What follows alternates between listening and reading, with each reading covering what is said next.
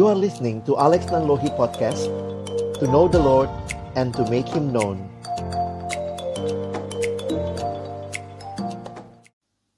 Shalom saudara-saudara yang dikasihi dalam Tuhan Yesus Kristus. Mari berdoa sebelum kita membaca merenungkan firman-Nya.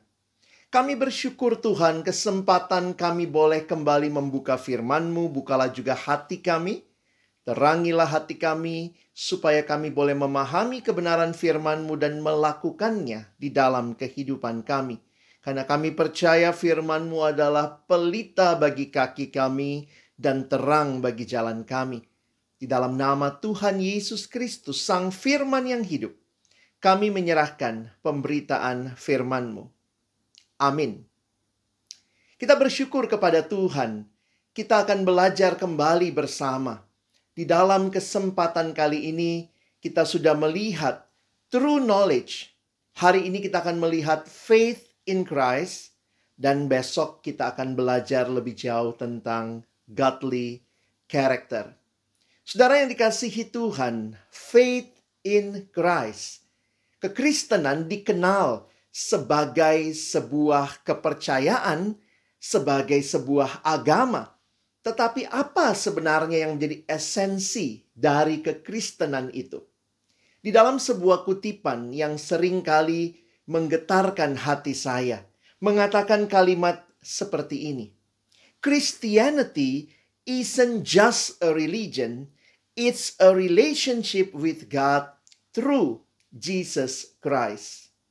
Kekristenan bukan sekadar agama, tetapi adalah relasi dengan Allah di dalam atau melalui Yesus Kristus.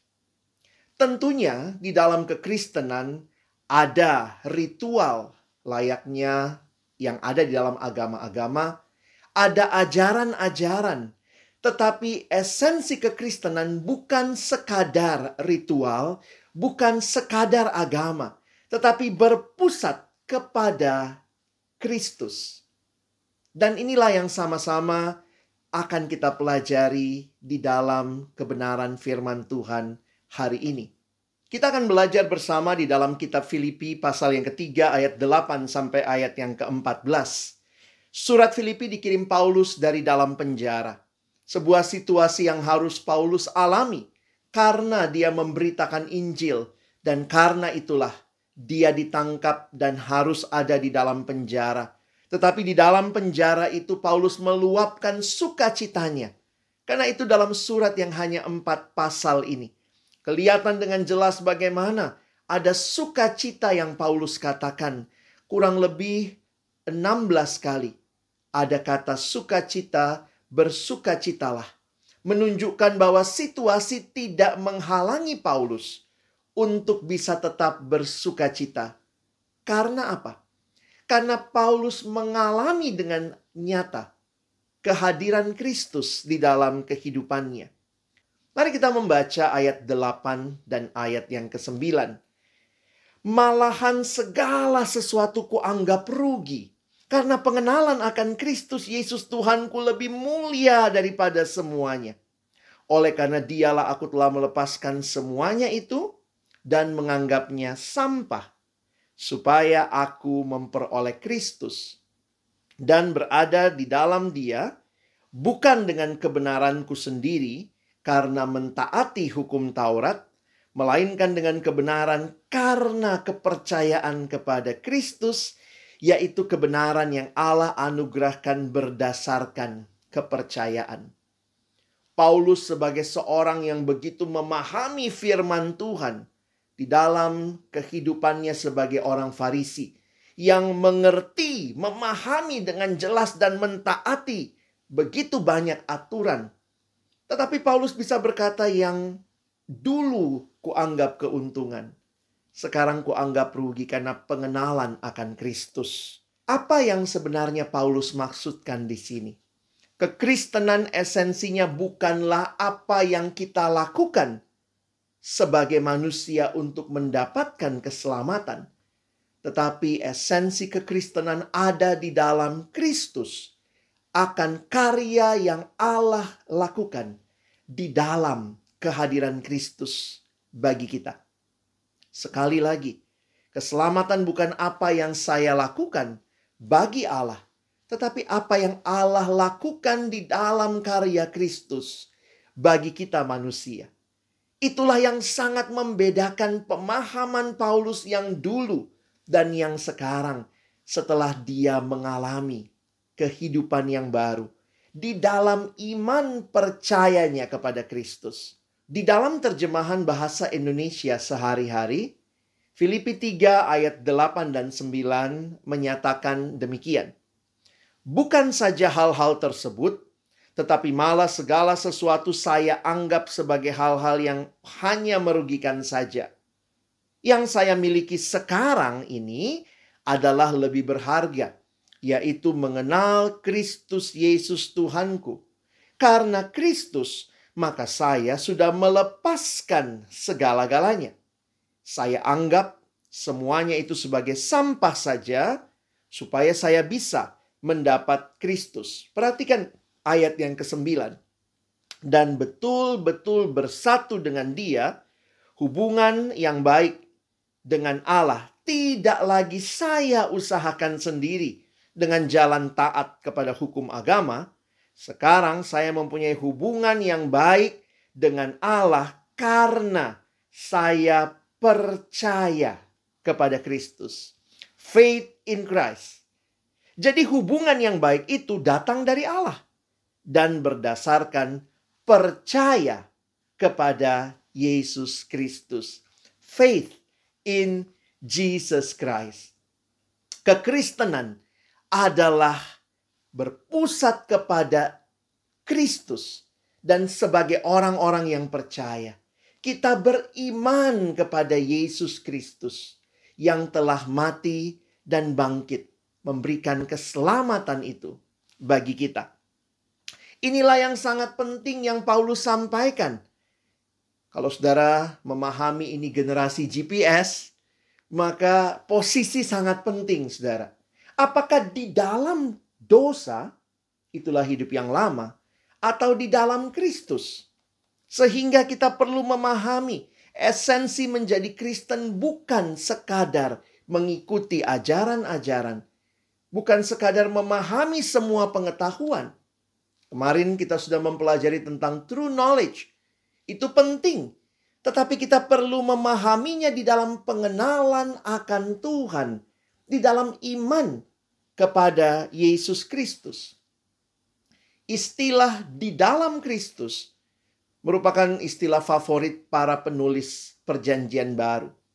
Salah satu contohnya Rasul Paulus di dalam tulisan-tulisannya mengatakan atau menuliskan kurang lebih 160 kali istilah di dalam Kristus, di dalam Dia, dan ini menunjukkan kesatuan hidup orang percaya dengan Yesus.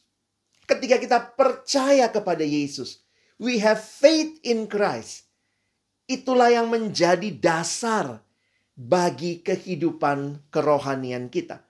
Faith in Christ yang akan membawa kita untuk semakin mengenal Tuhan. Itulah yang kita lihat di dalam ayat 10 sampai ayat yang ke-11.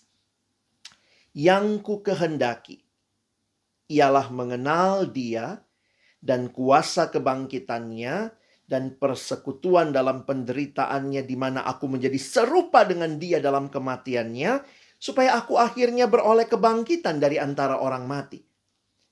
Faith in Christ yang adalah anugerah yang Allah berikan kepada kita membawa setiap kita bukan hanya berdiam diri tetapi kerinduan untuk terus makin mengenal Allah.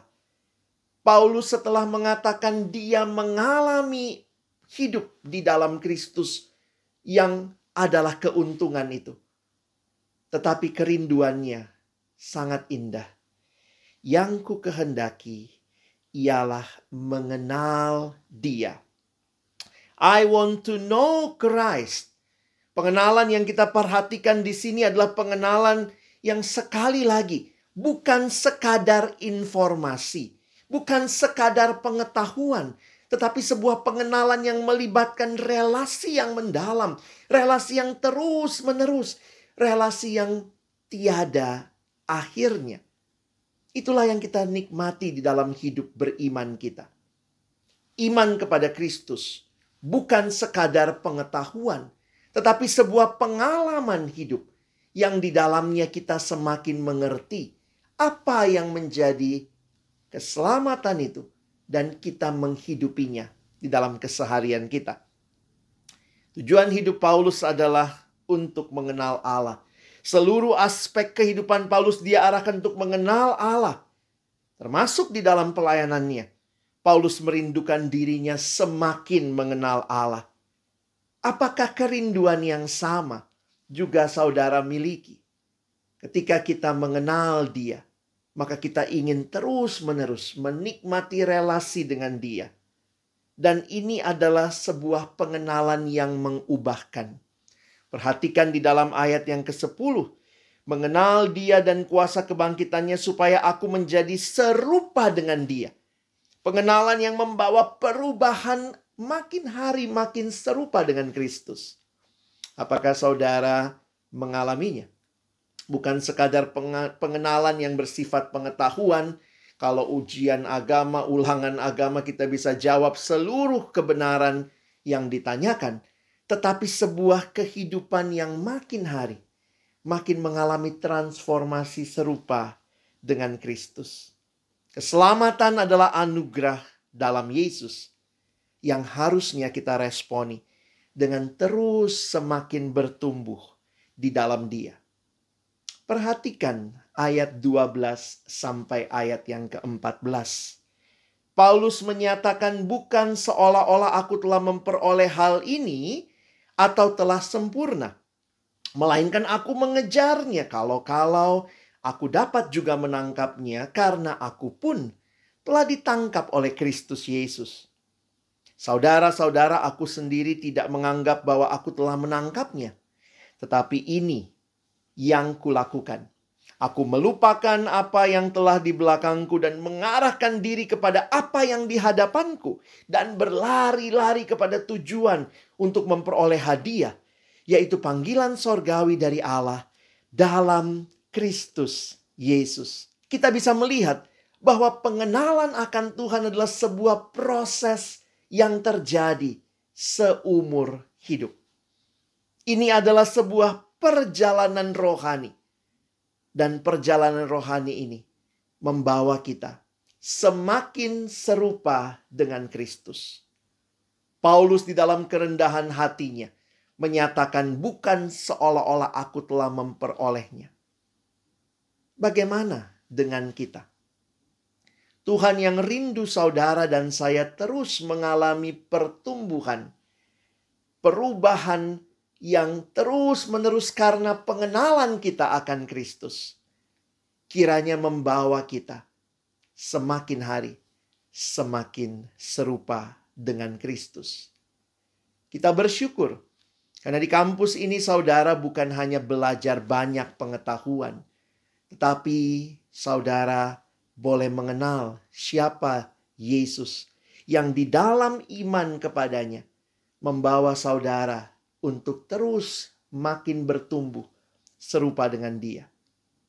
Perjalanan rohani yang Tuhan sediakan bagi saudara di kampus ini juga adalah perjalanan rohani untuk semakin mengenal Yesus, semakin berubah serupa dengan Dia, menjadi murid-murid yang mempermuliakan Tuhan, bukan mempermalukan Tuhan. Apakah saudara juga akan memberi diri melalui setiap hal yang disediakan di kampus ini. Saudara bukan hanya bertumbuh dalam pengetahuan, di dalam ilmu-ilmu yang sangat luar biasa, tetapi saudara juga akan memberi diri dengan semua hal yang disediakan untuk semakin bertumbuh, semakin mengenal Tuhan.